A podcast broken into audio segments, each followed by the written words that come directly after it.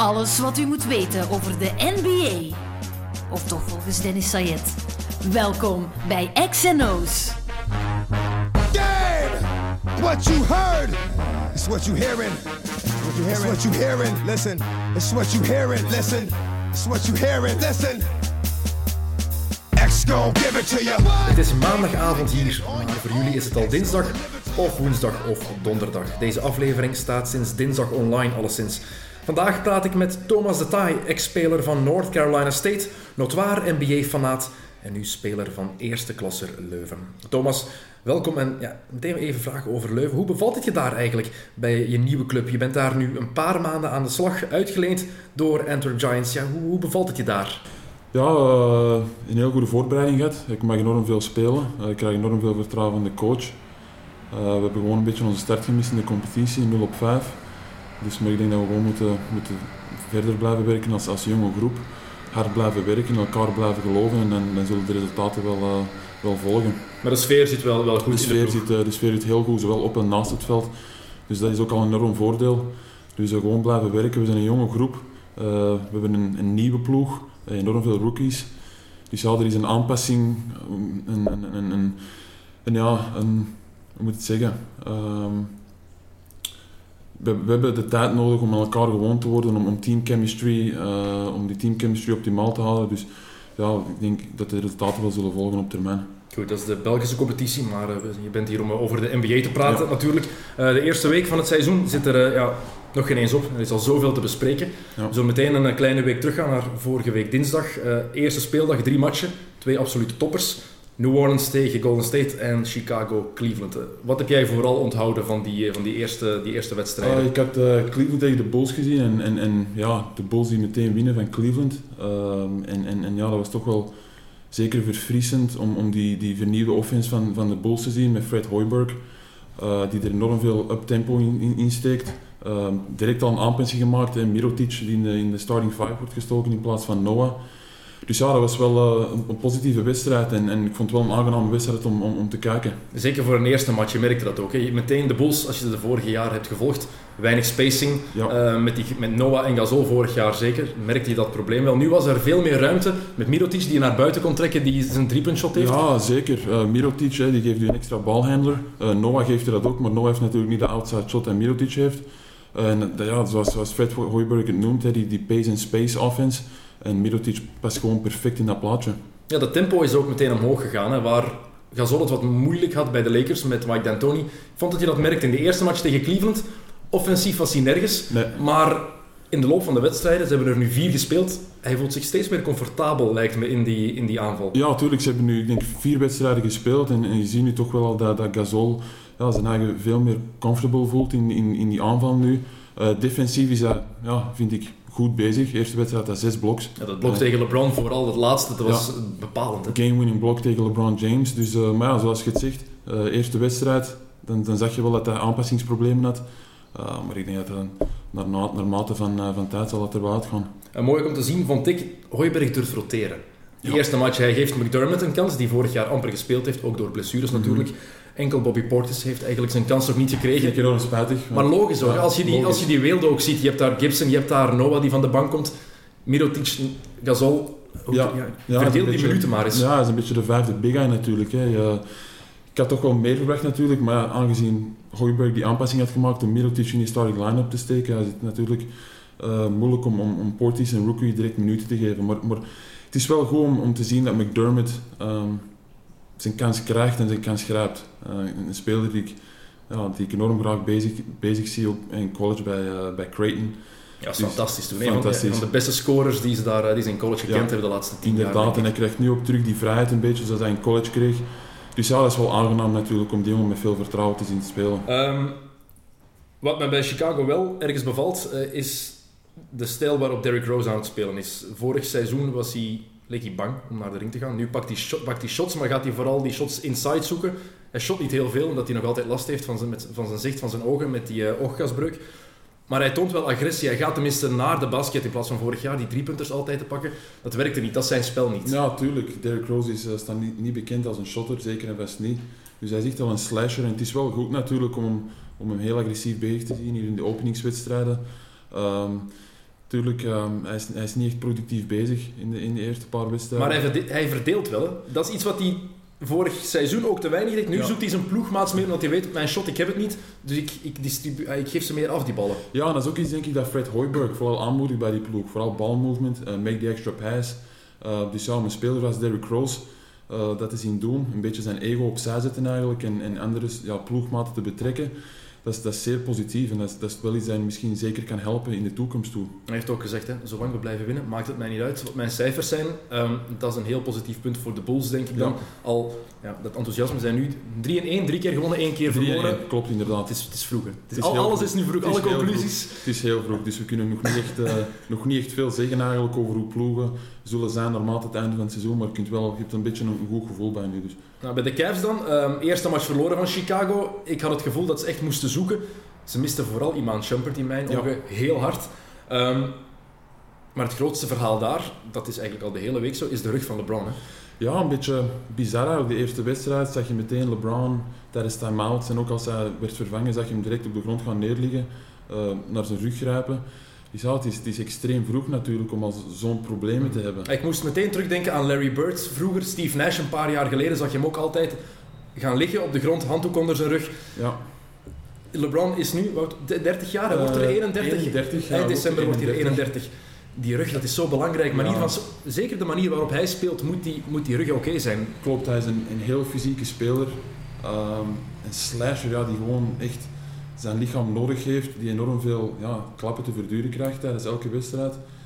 Dus ja, om dat nu al zo vroeg te zien, eh, ja, dat is ja, misschien toch wel een alarmfase voor, voor de toekomst. toe. Ergens ook logisch. Hè? Zijn dertiende jaar in de NBA, vijf finals op een rij gespeeld, Olympische Spelen. In 2012 ook nog eens meegedaan, dus eigenlijk heeft hij amper rust gehad de laatste jaren. Nu heeft hij dat deze zomer wel gehad.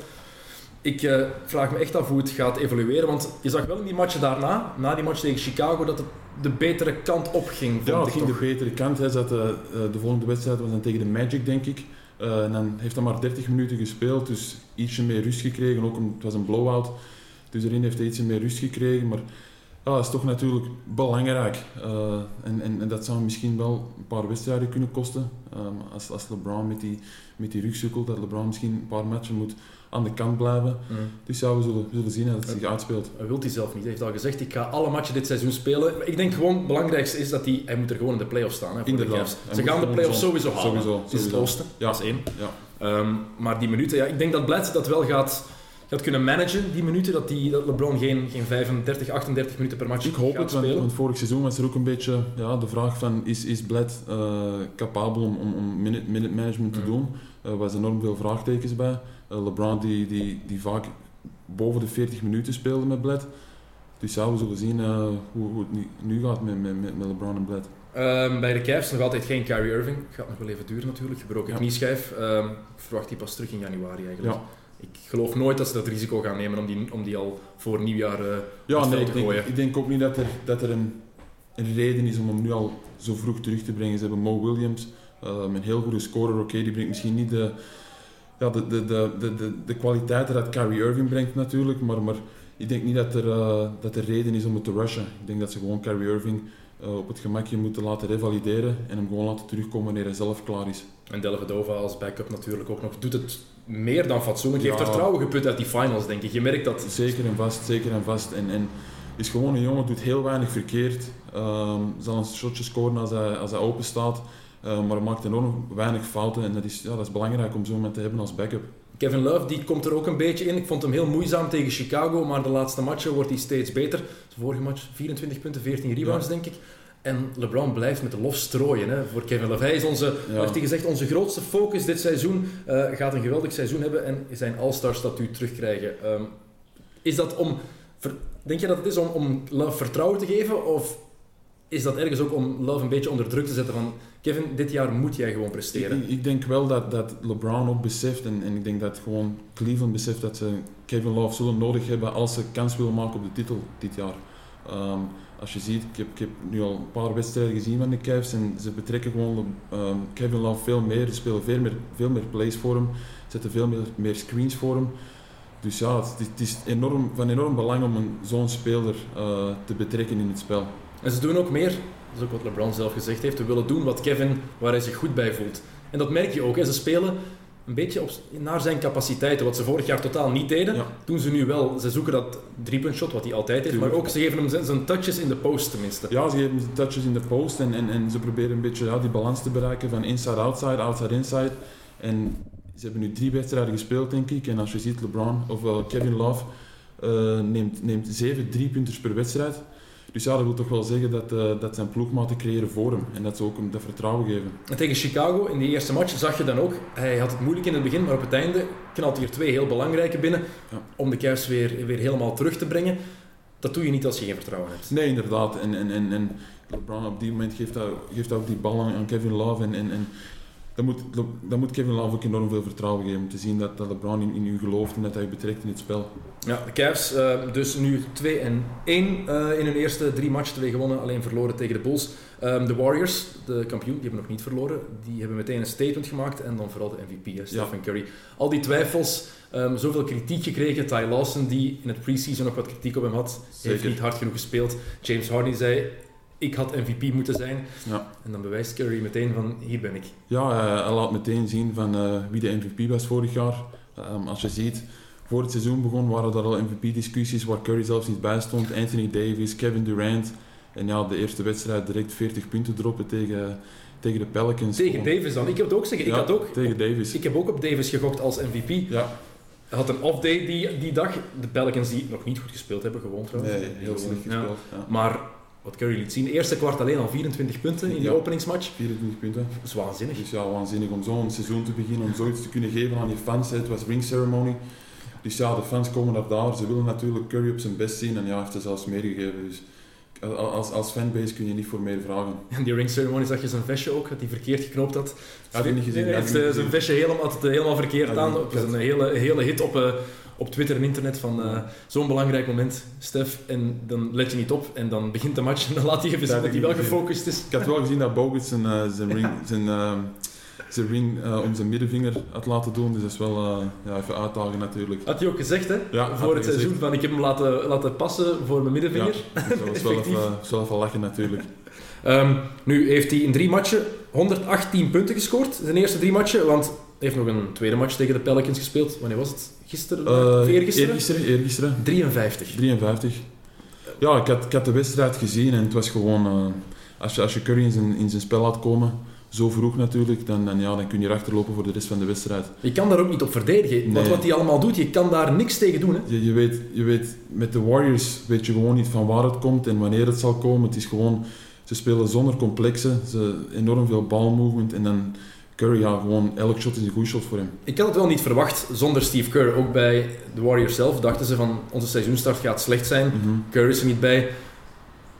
Ja, chapeau Ze zeggen het niet. Ja, maar, maar er waren wat twijfels, hoorde Ja. ik van Tony van den Bos is naar, eh, naar eh, Oakland gegaan om daar trainingcamp te volgen. Mhm. En hij hoorde wel wat geruchten daar dat er wat twijfels waren. Ja. Je merkt, je ziet daar niks van terug. Nee, ze trekken gewoon de lijn door van zoals ze vorig seizoen zijn, zijn geëindigd. Gewoon met de titel winnen en ze willen gewoon dit seizoen... Ik denk dat dat duidelijk is dat ze willen bevestigen en ze willen gewoon twee keer na elkaar de titel binnenhalen. Ik denk dat ze die kritiek, die andere ploegen hadden die kritiek niet mogen uiten. Niet mogen zeggen van ze hebben geluk gehad. Ik denk dat ze daar Nee, een dat- grote fout bij Ik gemaakt denk hebben. dat het alleen maar een beetje olie op het vuur gooien is. En zeker een ploeg die zo gemotiveerd is. eh, Draymond Green, die, eh die juist een contractverlenging heeft getekend. Die ook enorm gemotiveerd is om de mensen te laten zien van ik verdien wat ik nu voor heb bijgetekend. Dus ja, ik denk dat dat een, eh, een beetje een domme move was van de, van de Rockets en van, van al die andere ploegen om kritiek te geven op hun. Ehm, andere ploeg die ja, ook zo'n topper heeft natuurlijk, topper terug heeft, OKC met Kevin Durant. Ehm, eerste match van de Thunder tegen eh, San Antonio was dat. Meteen een heel leuke match om te zien, Ja. eh, vond ik.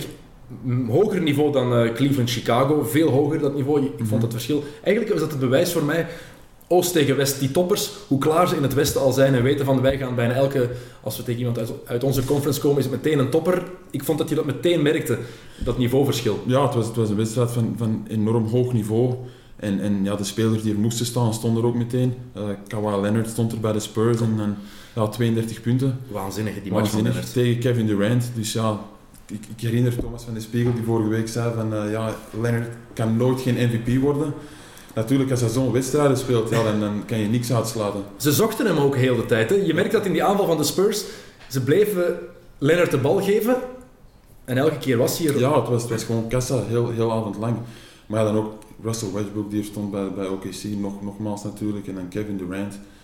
Ja, Durant had het wat moeilijk. Die eerste match 22 punten, vooral omdat hij ook in de zak zat van, van Kawhi Leonard. Ja. Moeten we eerlijk zeggen, die defense van Leonard was fantastisch. Langs de andere kant Westbrook. Wat ze ook bij San Antonio geprobeerd hebben, niemand kon hem tegenhouden. Nee, ik denk dat Russell Westbrook kan je niet stoppen. Hij is zo explosief, zo snel. En hij speelt gewoon met, met enorm veel emotie en hij lijkt gewoon altijd kwaad. Die agressie, hè. Die agressie. En dat is gewoon elke, elke avond opnieuw dat ze een wedstrijd hebben, dat, dat, dat hij zo speelt. En, en ja, als iemand met, met, met, met zo'n mentaliteit speelt, denk ik dat het gewoon enorm moeilijk is om te stoppen. En Furious Styles, de bijnaam die. Jalen Rose hem gegeven heeft, die past echt perfect bij hem. Eh, Perfect. dat zegt Altijd, alles. ja, gewoon de blik in zijn ogen en, en zijn facial expressions zijn gewoon ja, ongezien eigenlijk. En toch in dat interview na die eerste match, na die match tegen San Antonio, de vraag van Doris Burke was toen: hoe blij ben je dat je weer kan samenspelen met, eh, met Kevin Durant? Zijn antwoord meteen: Kevin's the best player in the world, man. And tonight just missed some shots, but good thing we got 80, 81 more games, and uh, I'm looking forward to seeing him complete some more. al dat, die discussie Ja. over wie is Batman, wie is Robin, maakt allemaal niks uit daar. Die jongen is gewoon zo blij om weer zo'n topper naast hem te hebben. Hij weet ook: dit is onze, onze kans om, om, om de titel te pakken. Ja, dit, ik denk- dit jaar. Dit, dit jaar is een kans natuurlijk. Hè. Eh, Kevin Durant, die, die volgend jaar eh, eh, free agent wordt. Russell Westbrook het jaar daarna. Ja. Dus ja, de OKC weet ook wat, wat er in, ja, te wachten staat. Als, het, is, het is nu of nooit. Mm, ik ben persoonlijk geen grote fan van Westbrook. Ik denk dat ze, dat ze nooit geen championship kunnen winnen met beide spelers in één ploeg. Natuurlijk, dat is mijn visie. Maar ja, als, als, ze, als ze spelen natuurlijk, zoals in, in een wedstrijd tegen, tegen de Magic, waar, waar beide spelers ja, een, een, een, samen 91 punten maken, ja, dan, eh, dan is sky the limit. Ja, 91 punten met twee. Ik denk dat Ja. dat is 43 van, van, van KD, Ja, 48, van, 48 van Westbrook. Ja, dat is... eh dat maakt je job enorm gemakkelijk als coach, denk ik. Eh, gewoon, ja, geeft gewoon de bal aan, Russell en, en, en aan KD en, en die jongens zullen het wel doen. Ze hebben wel een brede kern. Hè. Ik denk dat, ze, dat dit in de breedte de beste ploeg is die OKC gehad heeft sinds ze zijn verhuisd naar Oklahoma City. Zelfs Ja. beter dan het jaar dat ze de finals Ja, hebben hun gehaald. backcourt is, is, is enorm diep. Ze hebben, ze hebben Dion Waiters die, ze- die ze van de bank kunnen halen. Ehm wie hebben ze nog allemaal op de... Op de DJ Augustine. DJ Augustine die op de guard positie. Dan hebben ze Cameron Payne die ze gedreven hebben. Maar die jongen die, die amper mag spelen natuurlijk, omdat Russell Westbrook voor hem staat. Wat ik op zich wel spijtig vind. Maar ja, hun backcourt is, een, is enorm diep. Je kan Westbrook Zo. naar die twee schuiven. Oké, Ik ben persoonlijk geen fan eh, van Dion Waiters.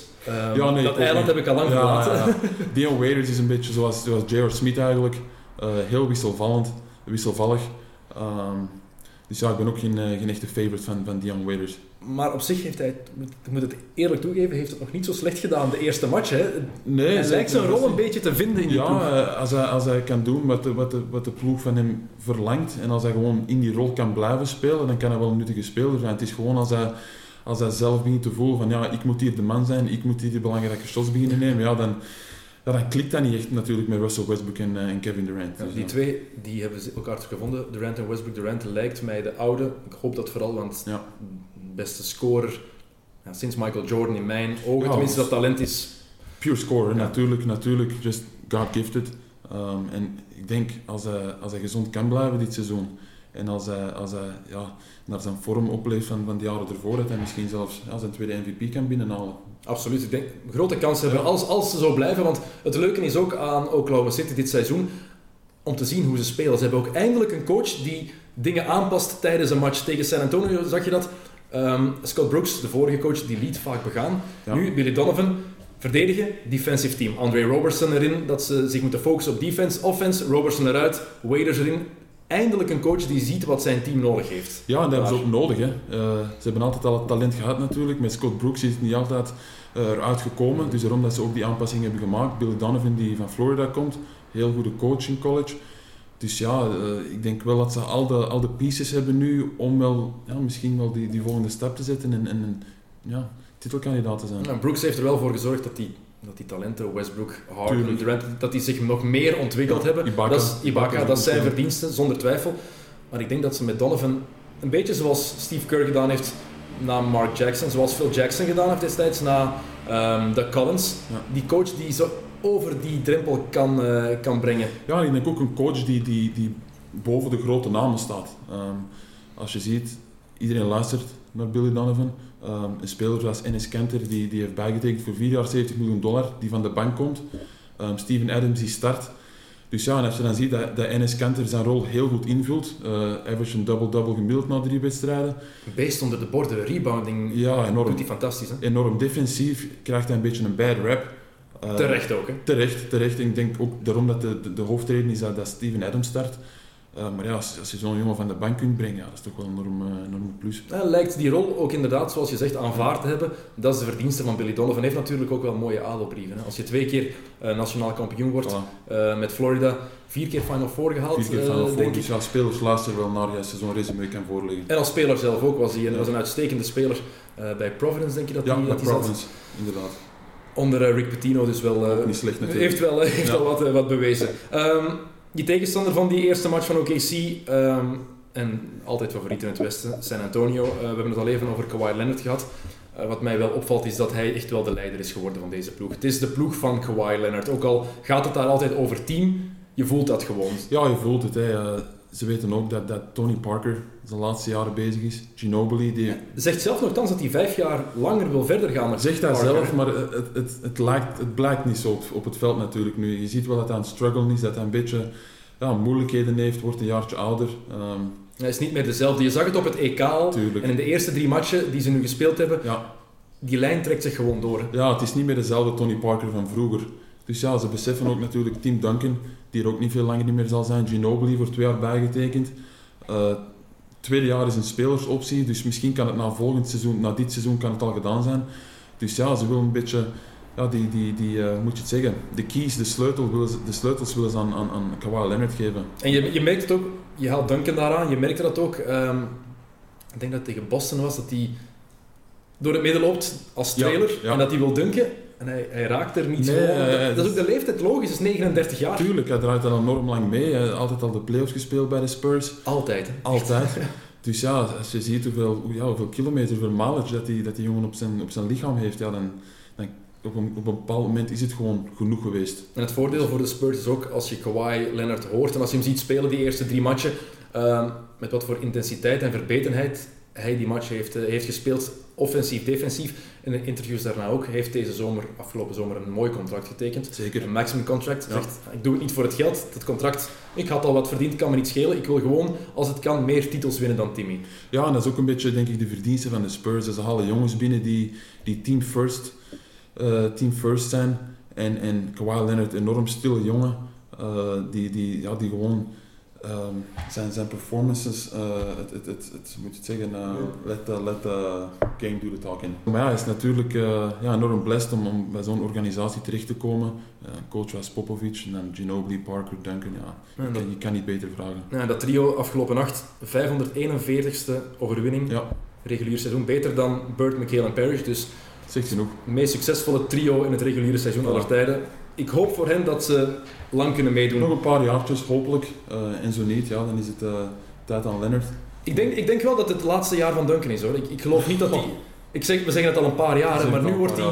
Hij is, hij is er 39. 39 en, en ja, hij speelt ook voor enorm weinig geld natuurlijk. Dus het is, het is altijd een speler die, als hij nog, nog wilt spelen, ja, dan is hij gewoon een nuttige speler. Uh, hij brengt zijn ervaring naar voren en, en, en hij heeft nog altijd kwaliteit. Ook al is hij 39, hij brengt nog altijd iets naar voren dat andere spelers niet kunnen. Dat is het ding bij, bij veel spelers die zo lang gespeeld hebben. Ik denk aan Kareem Abdul-Jabbar. Kijk nu naar Kobe. Die statistieken die gaan Ja, naar beneden. En bij Duncan is dat van het begin tot het einde is die lijn constant. Hè. Dus altijd is dat 20 en 10 bijna. Ja, inderdaad. Eh, Als je zijn index bekijkt, soms het is gewoon altijd heel, heel solid. Hij zal zijn reboundjes nemen, hij zal zijn rol doen in, in defense, aanvallend. Zal hij een shotje scoren, zal hij, zal hij staan waar hij moet staan. Hij is natuurlijk eh, enorm vertrouwelijk eh, met, de, met de, ja, de, de manier waarop Popovic wil spelen. Dus ja, het is, het, hij- past gewoon perfect in dat plaatje van de Spurs. De Spurs die nu twee keer gewonnen hebben, één keer verloren Ja. in de, de eerste drie matchen. Ehm, maar ik zie ze dit ze gaan sowieso weer 50 matchen Ja. Ze hebben nooit minder gewonnen dan 50 Nee. matchen, behalve dat ene jaar dat ze maar, dat Ja. maar 50 En je wedstrijden mag ze nooit uitsluiten als, als titelkandidaat. Ze zijn al, elk jaar dat, dat drie, drie spelers, Ginobili, Parker en Duncan, er zullen rondlopen. Denk ik dat je ze zeker niet mag als titel- titelkandidaat. Nou, Lamarcus Aldridge is daar nieuw. Ehm, je merkt dat hij zijn rol nog een beetje moet vinden. Hij heeft het zelf ook gezegd, want dit is helemaal nieuw voor mij. Ehm, andere manier van spelen dan bij Portland. Afgelopen nacht tegen Boston, gisteravond was het eigenlijk, Ja. heeft hij zijn eerste echt goede match gespeeld. 24 Double-double. punten, goede double-double. En je merkt ook voor de match dat hij naast Popovic gewoon rustig praatje, een beetje lachen. Ja. Hij begint zich een beetje comfortabel te voelen in de manier van spelen, maar het is ook logisch. Bij Portland kreeg je die bal. Het was isobal, hè. Het was isobal bij, bij de Blazers. En, en ja, dat is niet de manier waarop de Spurs willen werken natuurlijk. Bij de Spurs wordt ook altijd die extra pas aangemoedigd. En, en ja, dat zal hem natuurlijk nog wel meer dan een paar wedstrijden eh, duren voor hij volledig vertrouwelijk is in het spel. Maar om hem dan te zien, te zien schitteren tegen de Celtics, wat ik persoonlijk een goede ploeg vind, ja, dat, is toch wel, eh, dat is toch wel belangrijk natuurlijk. Een goed gecoachte ploeg ook. Ja. Brad Dat is, eh, Stevens. Brad Stevens is fantastisch. En wat je zegt, die defense, dat is een heel goede defensieve ploeg, vooral vind ik Boston. Ja, En dat Leonard daar dan zo'n dingen tegen kan. ja, Het is bemoedigend voor, voor, voor Spurs-fans, het is bemoedigend dat ze kunnen zien dat Aldridge dat systeem leert kennen. Dat die, en vooral dat hij het ook niet forceert. Dat vond ik straf in die eerste matchen. Van iemand als Aldridge, als je zag hoe hij speelde bij Portland, verwacht je dat hij ja, 20 shots per match tuurlijk. wil. Ja. Hij heeft dat niet nodig, hij wil gewoon winnen. Ja, nee, en ik heb ook al een paar interviews gelezen en, en, en artikelen waarin hij zegt van ja, ik wil gewoon elke wedstrijd winnen en ik zal gewoon doen wat de, wat, wat de ploeg mij vraagt. Dus eh, ja, als hij, als hij zo kan blijven voortspelen en gewoon nuttig zijn in het systeem waarin de Spurs hem willen uitspelen, dan eh, ja, dat is heel belangrijk. Wat vind jij van eh, de Marcus Cousins? Ehm, niet, niet mijn favoriete big guy in de league. Ehm, heel emotionele speler. Eh, ik had deze morgen nog iets gelezen waarin, eh, waarin een reporter zei van, van ja, de Cousins die, draagt zijn, ja, zijn emoties op zijn, op zijn tong. En, en die emotionele Cousins die kan je 28 punten geven en 15 rebounds. Maar die emotionele Cousins kan je ook 8 turnovers geven en 6 fouten. En twee technische fouten. En twee technische fouten. Dus, dus ja, het is, de Kings zijn enorm afhankelijk van, van Cousins. Ehm, en ik denk gewoon dat hij, dat hij gewoon meer moet maturen. Hij moet gewoon meer volwassen worden. Het gaat wel de goede kant op. hè. Als je, ik denk dat zijn ervaring bij, op het WK vorig jaar, dat het hem deugd heeft gedaan onder coach K, is hij echt een pak volwassener geworden. Ja, en ook onder veel ervaren spelers natuurlijk. Hè. Dus als je daar rond kunt spelen, dan, dan, dan helpt dat je natuurlijk wel. Maar is wel als een beest aan het seizoen begonnen, vind ik. Vind ik. Nu is hij eh, even buiten strijd, heeft een verrekking aan Ja. de Achillespees. Ehm laat ons hopen voor de Kings dat dat niet te lang duurt, want ze hebben eh, Cousins wel nodig. Ja. Maar was echt goed begonnen en heeft ineens een driepuntshot. Ineens Ja, heeft hij dat ook nog aan zijn spel toegevoegd. 4 op 5, de eerste wedstrijd. Ik weet niet eh, hoeveel driepunters hij vorig jaar heeft gescoord tijdens het seizoen. Het zullen er in ieder geval niet veel Ik zijn denk geweest. acht dat er in totaal waren. En dan ja, shot hij ineens 4 op 5 in de eerste wedstrijd. Dus het is natuurlijk iets dat, dat de Kings wel zullen nodig hebben op termijn. Zeker met guards zoals Rondo. Ehm, ze hebben Willie Cauley-Stein gedraft, die natuurlijk die, die range niet heeft. Ik vind het nog altijd een van de vreemdste draftkeuzes trouwens. Ja. Dat ze hem kiezen voor Moutier. Dan halen ze Rondo binnen natuurlijk, Ja. omdat ja, ze halen Moody niet binnen dan. Dus ze moeten wel een keuze maken. Maar goed, dat terzijde. Ja. Rondo die trouwens wel goed aan het seizoen begonnen is. Ja. Ik, ik had er heel veel twijfels bij, maar zijn laatste twee matchen was goed tegen de Lakers. Oké, iedereen is goed tegen de Lakers voorlopig in de eerste matchen. Sorry, ik weet dat jij wel een Lakers fan bent. fan, klopt. Eh, maar iedereen is goed tegen de Lakers. Eh, maar zijn laatste match ook weer, 21 punten, 8 assists. Ja, lijkt, aanvallend lijkt hij zich, enorm in zijn, goed in zijn vel te voelen. Eh, ja, George Carl natuurlijk is ook een enorm goede coach. Ik denk ook wel dat hij, hij weet wel hoe hij voor weg, overweg moet gaan met, met, eh, met Rondo, die toch wel een beetje bekend staat als een, als een knucklehead. Ik denk, als je als coach met Gary Payton kan werken, wat George Karl jaren gedaan Ja. heeft, dan moet je dat met Rondo ook kunnen. Inderdaad, en, en, en ik denk juist hetzelfde. En, en ja, Rondo is ook een pick-and-roll maestro. En, en ja, van, van, van het moment dat hij een opening ziet, zal hij, zal hij je vinden. Dus ja, om, om hem zo goed aan het seizoen te zien beginnen, dat is toch wel, eh, ja, ben ik toch wel tevreden over. Ik, heb toch, ik maak me wel zorgen over die relatie met George Karl. In het preseason was er al een vraag, was een reporter gevraagd aan hem van... eh, hoe is die relatie Ja. met, eh, met de coach Karl? Van ja, we hebben, al, we hebben al onze meningsverschillen gehad. Daarna hebben ze gedaan alsof het een grapje Ik was. denk wel dat het sarcasme was hoor. Ik weet Ja? niet, ja, ik, ik, ik denk het toch wel. Ik had gezet op mijn Twitter en ik zei van ja, dit kan gewoon niet waar zijn. Dan moet het gewoon doen als grap. And uh, as far as your relationship with Coach Carl, how has that been going on for this preseason? Uh, it's not been going too well. Um, we got into a couple arguments the last couple of days, but hopefully we continue to talk and get better. Eh, het zou enorm vroeg geweest zijn. Hè. Moest dat al, Ik zou nergens van schrikken met Rondo. ja, met de, nooit. met de Kings natuurlijk. Het is gewoon een, een, ja, het is een chaos gewoon. Voorlopig doen ze het eh, op zich nog niet zo slecht. De Ja, eerste, ik zeg alles is heel vroeg, maar vroege conclusies mag je al eens een keer trekken. Ja. Eén keer gewonnen, twee keer verloren. Tegen de Lakers gewonnen, twee keer verloren tegen de Clippers. Ook een lekkere rivaliteit aan het worden. Hè? Cousins meteen na die eerste match. Ja, Ehm, hate. I hate him. Ja. Waarom haat iedereen de Clippers? Goh, ik denk gewoon een beetje, nu zeker, hè, die Andre Jordan, die, die op het punt stond om bij de Mavs te tekenen, ja, die, die, die trekt dan terug. eh, tekent bij de Clippers voor eh, vier jaar 80 miljoen dollar. Ehm, Blake Griffin, die een beetje een bad rap heeft in de league van... eh, Flopping. flopping, hij is soft. Dus ja, ze hebben een beetje die... Ja, die... die ehm, die geschiedenis gewoon. Ik, ik vind Blake Griffin niet soft. Hij flopt inderdaad wel. Ja. Doet Chris Paul ook meer dan genoeg dat floppen. Ik denk dat hij het afgelopen nacht tegen Dallas nog gedaan Ik heeft. denk dat hij dat elke wedstrijd doet. Ja. wil daar in charge floppen en dan meteen kijken naar de scheidsrechter. Dat moet natuurlijk niet. Maar je kan niet zeggen dat Blake Griffin soft is. Als je ziet hoeveel klappen hij krijgt. Ik denk, ik denk dat alleen LeBron James meer klappen krijgt dan, dan Griffin. Ja, hij hij krijgt gewoon enorm veel klappen en ik vind het gewoon ook in zijn eerste paar jaar reageert hij er amper op. Dan zie je natuurlijk nu de laatste paar jaren waar hij soms wel ja, terugreageert en, en, en zelf ook kwaad wordt. En hij heeft al eens gezegd van het is genoeg geweest, ik laat me geen klappen niet meer, eh, ja, ik, ik, ik wil, ik wil niet meer dat ze zo'n harde fouten op me maken. Maar ja, zoals ik zeg, ze hebben gewoon een beetje die, die, ja, die bad rap en, en van soft en, en Nogthans wel goed in hun eerste matchen vond ik de Clippers. Chris Paul die het allemaal op zijn dode gemakje doet. Paul Pierce die zijn rol een beetje vindt. Lance Stevenson die ineens weer vertrouwen heeft. ja, Als je met zoveel goede spelers rond je speelt, dan is het ergens ook logisch, denk ik. ja, ze zijn diep ook. Hè. Ja, dat is niet normaal. Enorm diep. Hè. Als je ziet, ze starten met Lance Stevenson, Paul Pierce komt er van de bank, Jamal Crawford. Eh, dan hebben ze nog Wesley Johnson, vorig jaar een starter bij de Lakers. Dus ja, ze, ze zitten wel enorm, eh, enorm diep. Een ploeg die de Clippers ook haat, zijn de Rockets. Vorig jaar eh, de Clippers uitgeschakeld na die 3-1 achterstand van Houston. Helemaal Mhm. teruggekomen. Maar ehm, ja, bij Houston, de slechtste seizoenstart aller tijden. Enorm slecht. Van alle ploegen ooit. Ja. Is nooit, ze hebben hun eerste drie matchen verloren met 20 punten. Elke Ja, match met 20 klopt. punten. Geen enkele ploeg heeft dat ooit gedaan. Ja, het is, het, is, het is enorm raar om zo'n seizoen te beginnen. Dwight Howard natuurlijk, die, die in en out of de line-up is. Hij Eh, speelt niet de eerste match van een back-to-back. Dus als ze twee matchen na elkaar spelen, dan speelt hij de eerste match niet. Dat is altijd. En dat gaat zo zijn voor de rest van het seizoen. De eerste maanden sowieso. Ze hebben natuurlijk wel Clint Capella. Het is niet hetzelfde natuurlijk. Hè. Nee, is Dat heel groen achter de oren. Heel ja, jong. Heel groen achter de oren natuurlijk. Defensief kan hij wel zijn mannetje staan. Maar hij is natuurlijk niet die inside presence zoals, zoals Dwight Howard is. Hè. Want gisteren tegen Miami, ehm, Houston begon daar fantastisch in die match. Ehm, en Capella doet het goed, maar na vijf minuten heeft hij twee fouten. Omdat Ja. hij op alle fakes reageert en moet hij gaan zitten. Ja, dan moet je beginnen te roteren natuurlijk zonder Dwight Howard. En dan, ja, dan wordt de, de frontcourt diepte wordt dan ja, heel kort natuurlijk. Dus ja, ik denk, ik denk wel dat het in de kosten zal komen hoor. Als, als Dwight Howard zoveel wedstrijden zal kunnen uitzitten, zal moeten uitzitten. Motte Jonas die moet nog terugkomen. Terrence Jones was er ook niet bij, Ja. omdat hij een eh, blessure aan zijn oog had. Ehm, en dan heb je dat backcourt dat aan het zoeken is. Maar vooral opnieuw de Kardashian-vloeg. Ja. Het is, James Harden kan ineens niet meer basketten. Oké, dat is overdreven. Hè. Ja. Ik weet dat het overdreven is, maar Ja, wat is er met James Harden aan de hand? als je ziet gisteren, gisteren nacht tegen, tegen de Heat, shot 2 op 15, nu op 10 driepunters. Ja, dat is gewoon eh, zo niet harden. Hè. Dus, ja. En je merkte het ook, ehm, dat eerste kwart, ik heb die wedstrijd ook gezien, heel passief.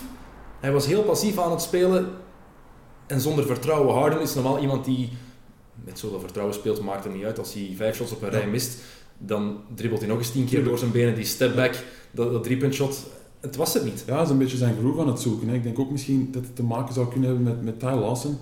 eh, die nu ja, ervoor zorgt dat, dat Harden iets minder de bal in zijn handen, zal- handen zal hebben. Dus ja, ze zijn een beetje natuurlijk aan het zoeken. Hè. Het is altijd het is, het is moeilijk voor, voor elke ploeg, denk ik. Als je, als je ofwel je één mist of een nieuwe één binnenhaalt en, en, en je centerspeler die niet echt 100% aanwezig kan zijn. Ja, dat zijn toch wel twee van de belangrijkste posities in basketbal. En als die twee posities niet optimaal worden ingevuld, dan, eh, dan wordt het heel moeilijk. Ja, ik vraag hem echt af. Ik vind het heel vreemd van Harden. Je hebt een goed, goed punt met, met Lawson. Ik denk dat ze daar Ja. echt wel moeten zoeken. Het voordeel is dan wel... eh, Gisteren die eerste helft tegen Miami wa- waren ze... Oké, Harden was niet voor maar ze stonden 20 punten Ja. voor. Doen het fantastisch. Dan heeft um, Johannes Huizeman een donder, eh, donderpreek gehouden in de kleedkamer van de Heat. En Toen zijn ze wakker geschoten. En, en, maar ja, natuurlijk, ik vind, vind de kwaliteiten die de Rockets hebben, met of zonder Dwight, mag je nooit geen, eh, ja, geen 20 punten afgeven. Nee, en, en Harden, ja, vorig jaar een van de MVP-kandidaten. Nog altijd een van de topspelers in de NBA. Een topscorer ook. Ja. Als hij geen goal kan maken, dan heeft hij een gigantisch probleem. gigantisch probleem. Hij is niet, eh, hij is niet echt de, de, de spelverdeler natuurlijk, zoals andere spelers misschien zijn op zijn positie. Dus ja, dat, dat, dat doet de ploeg met een, enorm veel pijn. Zoals Derrick Rose nu wel doet, die past zijn spel een beetje aan. Ja. Heeft hij ook moeten doen door die blessures. Harden zie je dat minder doen. hè. Hij Nee. moet echt zijn, zijn 25 punten per match kunnen maken om zich echt goed in zijn veld Ja, te voelen. Harden is echt een, een scorer. Hè. Dus eh, hij zal de bal wel eens af en toe afgeven, maar hij zegt als het niet anders kan. Ja, Dus, eh, een beetje zoals Kobe, eigenlijk. Het is misschien moeilijk voor jou om te zeggen als Lakers-fan. Ehm, zijn eerste match Ja. alleen al, hè. 24 punten, 24 shots. Het is mooi. Ja, Nummer 8 op 24. 24. Ja, het is, eh, ja, ik had de wedstrijd gezien. Het was, het was een beetje pijnlijk, natuurlijk. Die hard Lakers fan, om, om, om ja, Kobe zo terug zien te komen. Ehm, Maar Wat, maar ik vraag me dan soms af, wat verwacht je? Kobe heeft drie zware blessures gehad. Achillespees, schouder en knie. Is niet meer van de jongste, is 38 jaar ook. Ik denk dat het ergens logisch is dat hij roestig is, dat hij moet zoeken. Ook al is hij is en blijft hij een van de beste teamspelers aller tijden. als Kobe-fans denk ik dat je, dat je zo ver- verwend bent geweest over de jaren heen. En, en je hebt gewoon zo'n grote verwachtingen. Een klein beetje zoals... Oké, het is een andere situatie, maar MJ die terugkwam bij de Wizards. Je hebt zo'n grote verwachtingen en je, je verwacht gewoon dat ze altijd hun A-game brengen. En ja, als het dan niet gebeurt, eh, dan ben je toch wel altijd eh, een beetje teleurgesteld. MJ bij de Wizards. In, Ja. mijn, ogen, in mijn ogen is, in mijn hoofd is dat nooit gebeurd. Hè? Ja, je denkt, je, denkt- je denkt nooit, als, als je MJ denkt, dan denk je Bulls natuurlijk. Eh, je denkt nooit aan de Wizards. Maar het is toch iets dat is gebeurd. En, en je hebt zo'n grote verwachtingen. En als je dan niet volledig wordt ingelost, ja, dan, dan ben je teleurgesteld. En Kobe ehm, is zelf ook heel kritisch voor, zich, eh, voor Ja. zichzelf. Hè? I just can't make a shot. Do you feel like it's a rhythm thing? Uh, he said maybe those those two weeks with the calf because you you were in a better rhythm up to that point in the preseason. Yeah, maybe. I'm just, just, just playing like right now. That's all. I suck right now, dude. You don't have any issues, health issues right now. Yeah, it's, it's. I'm the 200th best player in the league right now. Ik vraag me dan af, waar ligt dat aan? Is dat inderdaad gewoon omdat hij de laatste twee jaar amper gespeeld heeft? Ja, ik denk dat, dat ja, Rusty zal er wel eh, te maken mee hebben natuurlijk. Hè. Eh, amper gespeeld in de voorbije twee jaar. Eh, en hij is natuurlijk ook niet meer van de jongste. Dus, eh, en, en zoals ik zeg, iedereen heeft gewoon zoveel verwachtingen van hem. Elke, elke bal die hij shot, mensen verwachten gewoon dat hij, dat hij zal binnengaan. En ja, dat niet gebeurt, dan, ja, dan ben je gewoon heartbroken. En de Lakers, daar is het heel duidelijk. Iedereen speelt op zijn best tegen de Lakers in de eerste drie matchen van het seizoen. Ze Ja, zijn nog maar amper bezig, maar de Kings hebben 80 punten gescoord in de Ja, paint tegen de is enorm slecht. Hoe kan je in godsnaam 80 punten tegen laten maken in de paint alleen? Ja. Alleen inside. Dat is... Ja, ik had- ik heb dat nog nooit gezien. Ik had een beetje meer verwacht ook van Hibbert. Eh, ik dacht dat Hibbert dat dit misschien wel een belangrijke stap zou kunnen geweest zijn in zijn carrière. Hij lost die verwachtingen niet echt in, de eerste drie wedstrijden. Eh, maar ja, hun, hun, hun, hun frontcourt is wel een, een probleem. Ze hebben enkel Hibbert eigenlijk als, als rim protector. Mhm. En dan ja, voor de rest Julius Randle, die, die ja, niet Die is klein ook, hè? Voor Klein. die power forward. En vooral wat ik vreemd vind, is Byron Scott zet ehm, Brandon Bass als backup center op het Ja. veld altijd. Ja, vind ik. Ja, en Brandon Bass is ook maar 6'8". Dus ja, dan, dan moet je natuurlijk niet verschieten dat een ploeg 80 punten tegen jou maakt in één helft. Nee, inside gewoon. Dat Ja, is gewoon inside, Het is, inside, het is ja, gewoon, het is inderdaad. gewoon gek. Ja. Ehm, je hebt dan een Tariq Black op de bank, die wel eens een kans verdient, Ja. in mijn ogen. Ja, ze hadden, ze hadden een Upshaw, Robert Upshaw. Dat is, eh, eh, tijdens, tijdens de pre-season hadden ze hem op de roster, hebben ze dan eh gekut. En ik, ik dacht ook bij mijn eigen van, ja, misschien zou het een goede zet kunnen zijn, moesten de Lakers Upshaw, Upshaw kunnen bijhalen in, in, in plaats van uh, ja, Meta World Peace, die nog, eh, die nog geen wedstrijd heeft gespeeld, nog geen minuut heeft gespeeld. Dus ja, als je dan met spelers speelt op de centerpositie die 6'8 zijn, ja, dan wordt het enorm moeilijk inside. Ja, want afgelopen nacht hebben ze verloren van de Mavericks. Ja. Ehm, Nowitzki, die zijn beste match Fountain of Youth, speelt, ja, ineens eh, Ja. knalt hij weer alles binnen. 25 puntjes, Ja. op zijn, op zijn dood, doodste gemakje eigenlijk. Dus, maar ik ben wel blij om Nowitzki zo te zien spelen. Ehm, het is nog maar de eerste keer ooit dat ze twee seizoenen op een rij beginnen met nul overwinningen en drie nederlagen. Nu opnieuw. Ik vrees dat het echt weer een pijnlijk seizoen gaat worden voor Ja, de ik Lakers. denk, oh ja, als, je, als je de eerste wedstrijd bekijkt tegen de Timberwolves. ehm, Ja, Rubio. Ja, Rubio, die enorm, die enorm goed had gespeeld. 28 punten, 14 assists. En die gewoon ja, pick-and-roll speelde, zijn shots maakte. Dus ja, als Ricky Rubio zijn shots zal moeten scoren, dan weet je dat het een lange avond gaat worden. Daarom dat ik het zeg, iedereen Ja. speelt op zijn best Inderdaad. En, en, Oké, de, de Timberwolves zijn misschien wel... Ja, ze zijn beter dan vorig jaar. Ze hebben Carl Anthony Towns gedraft. En Oké, ze, hebben, ze hebben meer talent. Maar ja, als je ziet dan wat er bij de Lakers rondloopt. eh, Randall die terug gezond is. Ze hebben die Russell gedraft. ehm, een Kobe die terugkomt. Roy Hibbert. Ja, dan had ik toch wel verwacht dat Lakers de eerste wedstrijd gingen ja, binnenpakken. En dat gebeurt niet. Ik ben ook geen fan van Warren Scott. Zeker ik en denk dat niet. ze Ik ben blij dat hij het naar boven brengt, want ik wou er ook iets over zeggen, maar eh, ik ben, ook geen, ben ook geen fan. Ik denk dat ze na een match of 30, 35 echt moeten wisselen van, gaan wisselen van coach. Ook dat het Ja. gaat gebeuren, want zijn ideeën zijn achterhaald. Ja, achterhaald, enorm ouderwets. En, en zijn manier van denken, ook bijvoorbeeld de eerste wedstrijd, ehm, had hij beslist om Jordan Clarkson op de point guard positie te zetten in plaats van D'Angelo Russell. En dat vind ik, ja, ik vind dat onbegrijpelijk. Je haalt, je haalt D'Angelo Russell binnen, pure point guard. Je weet dat die speler moet groeien. Ehm, Jordan Clarkson is een slasher, scorer. Zo'n jongen zit je, niet, uh, zit je niet op de point guard. En dan heb je ook nog Marcelinho Huertas op de bank. Ja. Een puur, nog een pure point guard, een Euroleague-legende. Inderdaad. Dus ja, dan, spelen. dan ben je misschien beter dat je, dat je Russell misschien van de bank laat komen, Huertas laat starten en dan Jordan Clarkson op de 2 speelt. Maar om, om, Jordan Clarkson als, als eerste point guard te maken, ja, dat vond ik toch... Uh, hij heeft het eh, inmiddels al aangepast. De tweede wedstrijd was D'Angelo Russell, de point guard. Maar Byron Scott zijn beslissingen, ik heb er soms enorme vraagtekens bij. Goed, uh, de verrassingen van de eerste week. Er zijn er een paar, hè? een hm. paar om op te noemen. Um, eentje voor mij, die voor mij er echt bovenuit springt, zijn de Detroit Pistons in positieve ja, zin. volledig mee akkoord. Ik had dat totaal niet verwacht, maar langs de andere kant hadden we het ook wel moeten weten. Hè? Stijn van Gundy is daar Stijn de man, Stijn de man, ja.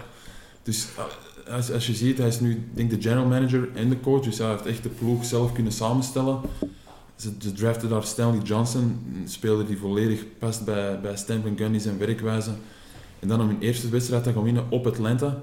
Ja, dat is toch wel direct al uh, ja, een, een, een, zeer goed signaal. Winnen van Chicago. Zijn nog ongeslagen, ja. niet verloren. Drie, drie, drie keer gewonnen, nul keer verloren. Um, gewonnen tegen de Jazz. De Jazz, ja, toch een ploeg die, die je zeker en best niet mag onderschatten in mijn opinie. Na februari, vorig seizoen, was het een van de beste ploegen in het Westen. Defensief staan ze heel sterk. En, en, en ja, ik denk dat ze 92 punten scoren tegen de Jazz, die gemiddeld binnenkrijgen om 79 punten. Dus ja, ik denk dat Stijn van Gundy een enorme goede job doet tot nu toe.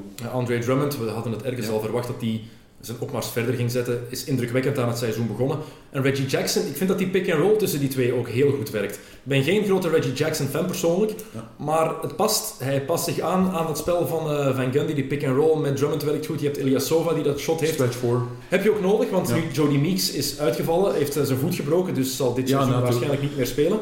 Zoals je zegt, bij Ilyasova dat hij ook vorig jaar niet natuurlijk, hè, met, met een... Met een um, Greg Monroe. Greg Monroe, die naar de Bucks is getrokken. Dus ja, dat was de, de paint was eigenlijk echt wel, wel, wel ja, was, was, was enorm bezet daar. Uh, en dan nu om Eliasova te hebben, dat is natuurlijk een, een extra aanspeelpunt voor, uh, voor Reggie Jackson. Ze kunnen wel meer shooting gebruiken, denk ik. Denk ik ook. Iets meer. Vooral omdat Jody Meeks nu er niet bij is, kunnen ze, inderdaad shooting gebruiken. Caldwell Pope hebben ze. Jennings komt dan terug, maar dat is iemand die de bal ook echt als een bal houdt. Weet je nooit mee. Uh, kan, kan 40 punten scoren, kan, kan 2 punten scoren, enorm up en down.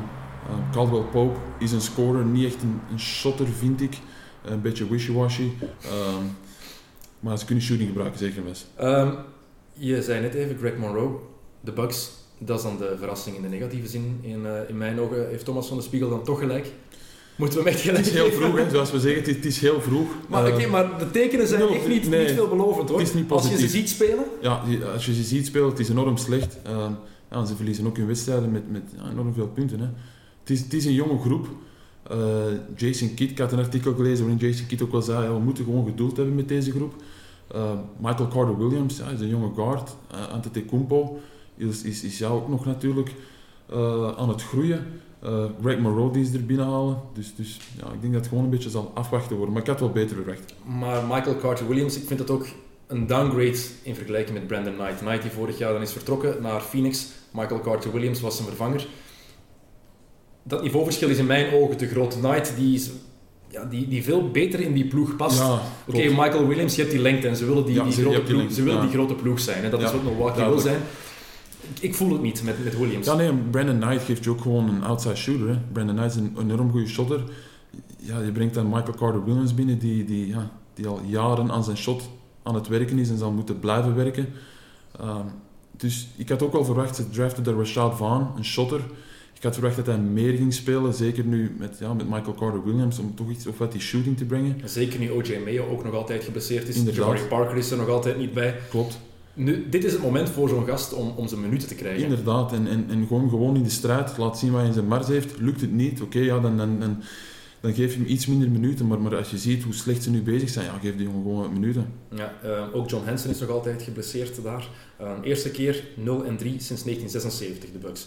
Ja, als je ziet natuurlijk de namen die ze missen, als die jongens gezond terugkomen, dan denk ik wel natuurlijk dat er een andere ploeg op het veld zal staan. Vooral Jabari Parker, als die gezond uh, wordt. Ik hoop het van harte dat die echt weer top wordt. Uh, nummer 2 pick van 2014.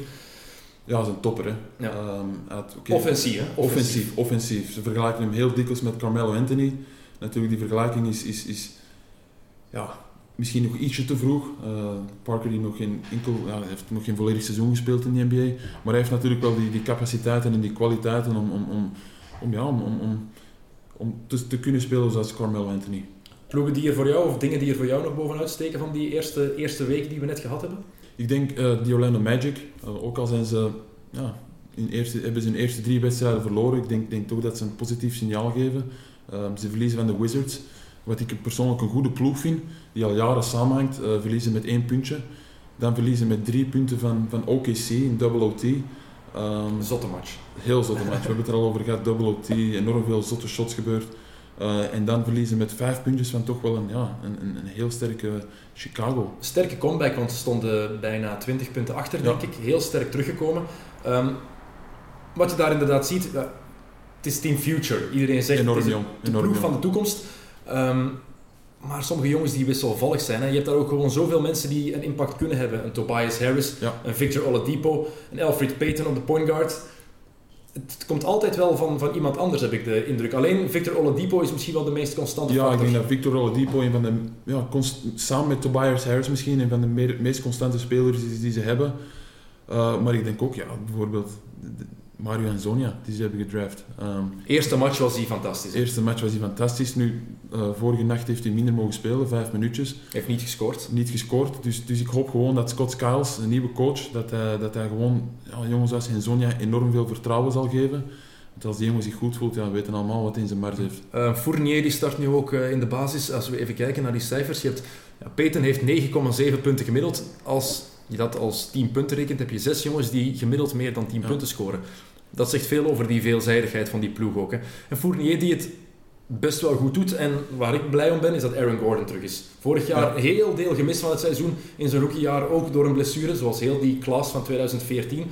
Maar laat zien waarom hij soms vergeleken wordt met Blake Griffin. Zeker en vast. En als je ook een beetje de, de Summer League heeft, hebt gevolgd, en dan, dan zie je ook wel ja, de, de stappen die hij heeft gemaakt.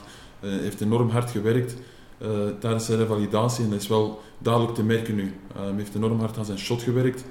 Wat wel belangrijk is voor hem natuurlijk, hij is een beetje een in-betweener. Is hij een 3, is hij een 4, is hij groot genoeg om de 4 te spelen? Heeft hij goed genoeg shot om op de 3 te spelen? Dus, maar, maar, maar ja, het zegt gewoon enorm veel over zijn, zijn, zijn werkkracht en zijn mentaliteit. Als je ziet hoe hij terugkwam van die blessure. Sterk genoeg natuurlijk. En je Ja. hebt er ook nog altijd Nikola Vucevic Ja, rondlopen. uh, ja. Geboren in België en uh, nu een, nog altijd een grote impact, vooral offensief natuurlijk. Um, nog een nieuwsfeitje van deze week, wat ik, heel, wat, wat ik zeker nog wou vermelden. Nate Robinson, één match gespeeld bij de Pelicans. Die eerste match tegen Golden State mogen starten. En de dag erna wordt hij gewoon gewaved. Ik denk een beetje dat dat um, Starten de fout is van, Stephen Curry worden. misschien. uh, als je 40, 40 punten binnenkrijgt, 40 punten binnenkrijgt. Um, ja, ze hadden, ze hadden hem binnengehaald, hè, Drew Holiday, die, uh, die de ene wedstrijd wel gezond is, de andere wedstrijd niet. Uh, ze halen hem dan binnen. Uh, had niet gescoord die wedstrijd, denk ik. Ja, krijgt dan uh, 40 punten binnen van, van Stephen Curry. Dus ja, het zag er wel, zag er wel aan te komen. En Tony Douglas wordt dan als vervanger binnengehaald um, en dan krijgt hij er 53 in onthouden. Ja. Geen holiday. Ja, het zijn geen cadeautjes natuurlijk als je tegen Stephen Curry moet spelen. Ja, toch vond ik het vreemd en ik vrees Nate Robinson. Ah, fijne carrière, ik begint eraan te komen. Ik denk NBA zal, zal heel moeilijk worden. Ik denk misschien China, dat, uh, dat een optie zou kunnen zijn voor hem. En dan misschien uh, in de toekomst een 10-day tekenen, zoals hij vorig jaar heeft gedaan bij de Clippers. En dan in de playoffs hopelijk nog een, een roster vinden Inderdaad. voor hem. Um, goed, af te sluiten, um, want we zijn al even bezig, uh, deze tweede podcast. Um, de play van de week. Ja, zeg maar, wat zijn jouw... Ik vind die, je, mag er uh, één, je mag er één of twee kiezen, dingen die je er bovenuit Ik zal er twee kiezen, eentje is te moeilijk. Uh, ik vind die drie punten van Russell Westbrook tegen de Magic off the glass vond ik gewoon ja, schitterend. om op die moment, zat er geen time-outs niet meer, om die moment ja, die drie punten te scoren om, om de wedstrijd ja, in, in, in verlenging te brengen, dat was gewoon ongelooflijk. En dan gewoon de, ja, gewoon de facial expression daarna, was, was ja, gewoon zo Russell Westbrook. Van net, net uh, over de middenlijn met het bord. Alle filmpjes zetten we trouwens ook op, uh, op de Facebookpagina van, uh, van deze podcast. En ja, daarmee dwingt die verlenging af. Daarna trouwens ook Victor Oladipo, die drie punten die hij binnenknalt om een tweede voetjes, verlenging met af te zijn dwingen. voetjes op de zijlijn bijna, à la Sean Elliott. Enorm ongelooflijke wedstrijd. Maar denk jij dat, dat, dat Westbrook bank heeft gekald? Denk het niet. Ik denk het ook ik niet. Denk nee. gewoon het was gewoon een lucky shot, maar het verdient zeker de, de play of the week. En dan, of the week. En dan een ander is uh, Harrison Barnes. Uh, die dunk op, op Dwight Howard. Dit is eigenlijk ergens ook een statement voor Golden State van betaal mij. Ja, inderdaad. Je neemt de woorden uit mijn mond. Eh, ja, hij wil natuurlijk voor het groot geld gaan. En hier laat hij even zien van, eh, ja, betaal me. Het is een ja, nieuwe contract, nieuwe tv-contract dat eraan komt, dus iedereen heeft meer ruimte. Ja. We hebben geen eh, overeenkomst bereikt deze zomer, Barnes en de Warriors, maar dit was ja, echt Ja, in, ik de, denk, in de face. hè. ja, ze wilden hem 16 miljoen geven. Hij wil 18 miljoen. Dus ja, dat was wel een statement. Ja, mijn eh, play is het blokshot van eh Kawhi Leonard op Kevin Durant. Ja, ik denk ook vooral dat Kevin Durant was. Hè. Ik ben een grote Kevin Durant fan, ik vind dat fantastisch, maar dit blok is gewoon waanzinnig. Bewijs dat, hij wordt eigenlijk geklopt, hè. De eerste stap, van, daar is hij, reageert hij te traag op. En toch komt hij terug. Ja, en dan zie je zijn, zijn, zijn kwaliteiten als, als defensive specialist. En dan gewoon de claw, zijn groot hand waarmee hij dat shot blokt. Dat is een ongelofelijk, ongelofelijke speler. Het is eh terecht de Defensive Player of the Year. Goed, eh, Thomas, ik bedank je voor, uw, eh, voor je bijdrage, dat je te gast wou zijn. En altijd welkom nog eens, nog eens af te komen. En eh, u kan thuis alles blijven volgen op eh, onze website xnos.be via Soundcloud, iTunes en ook op eh, Facebook. Daar zetten we alles op. Dat is eh XNO's pagina op Facebook. Bedankt voor het luisteren.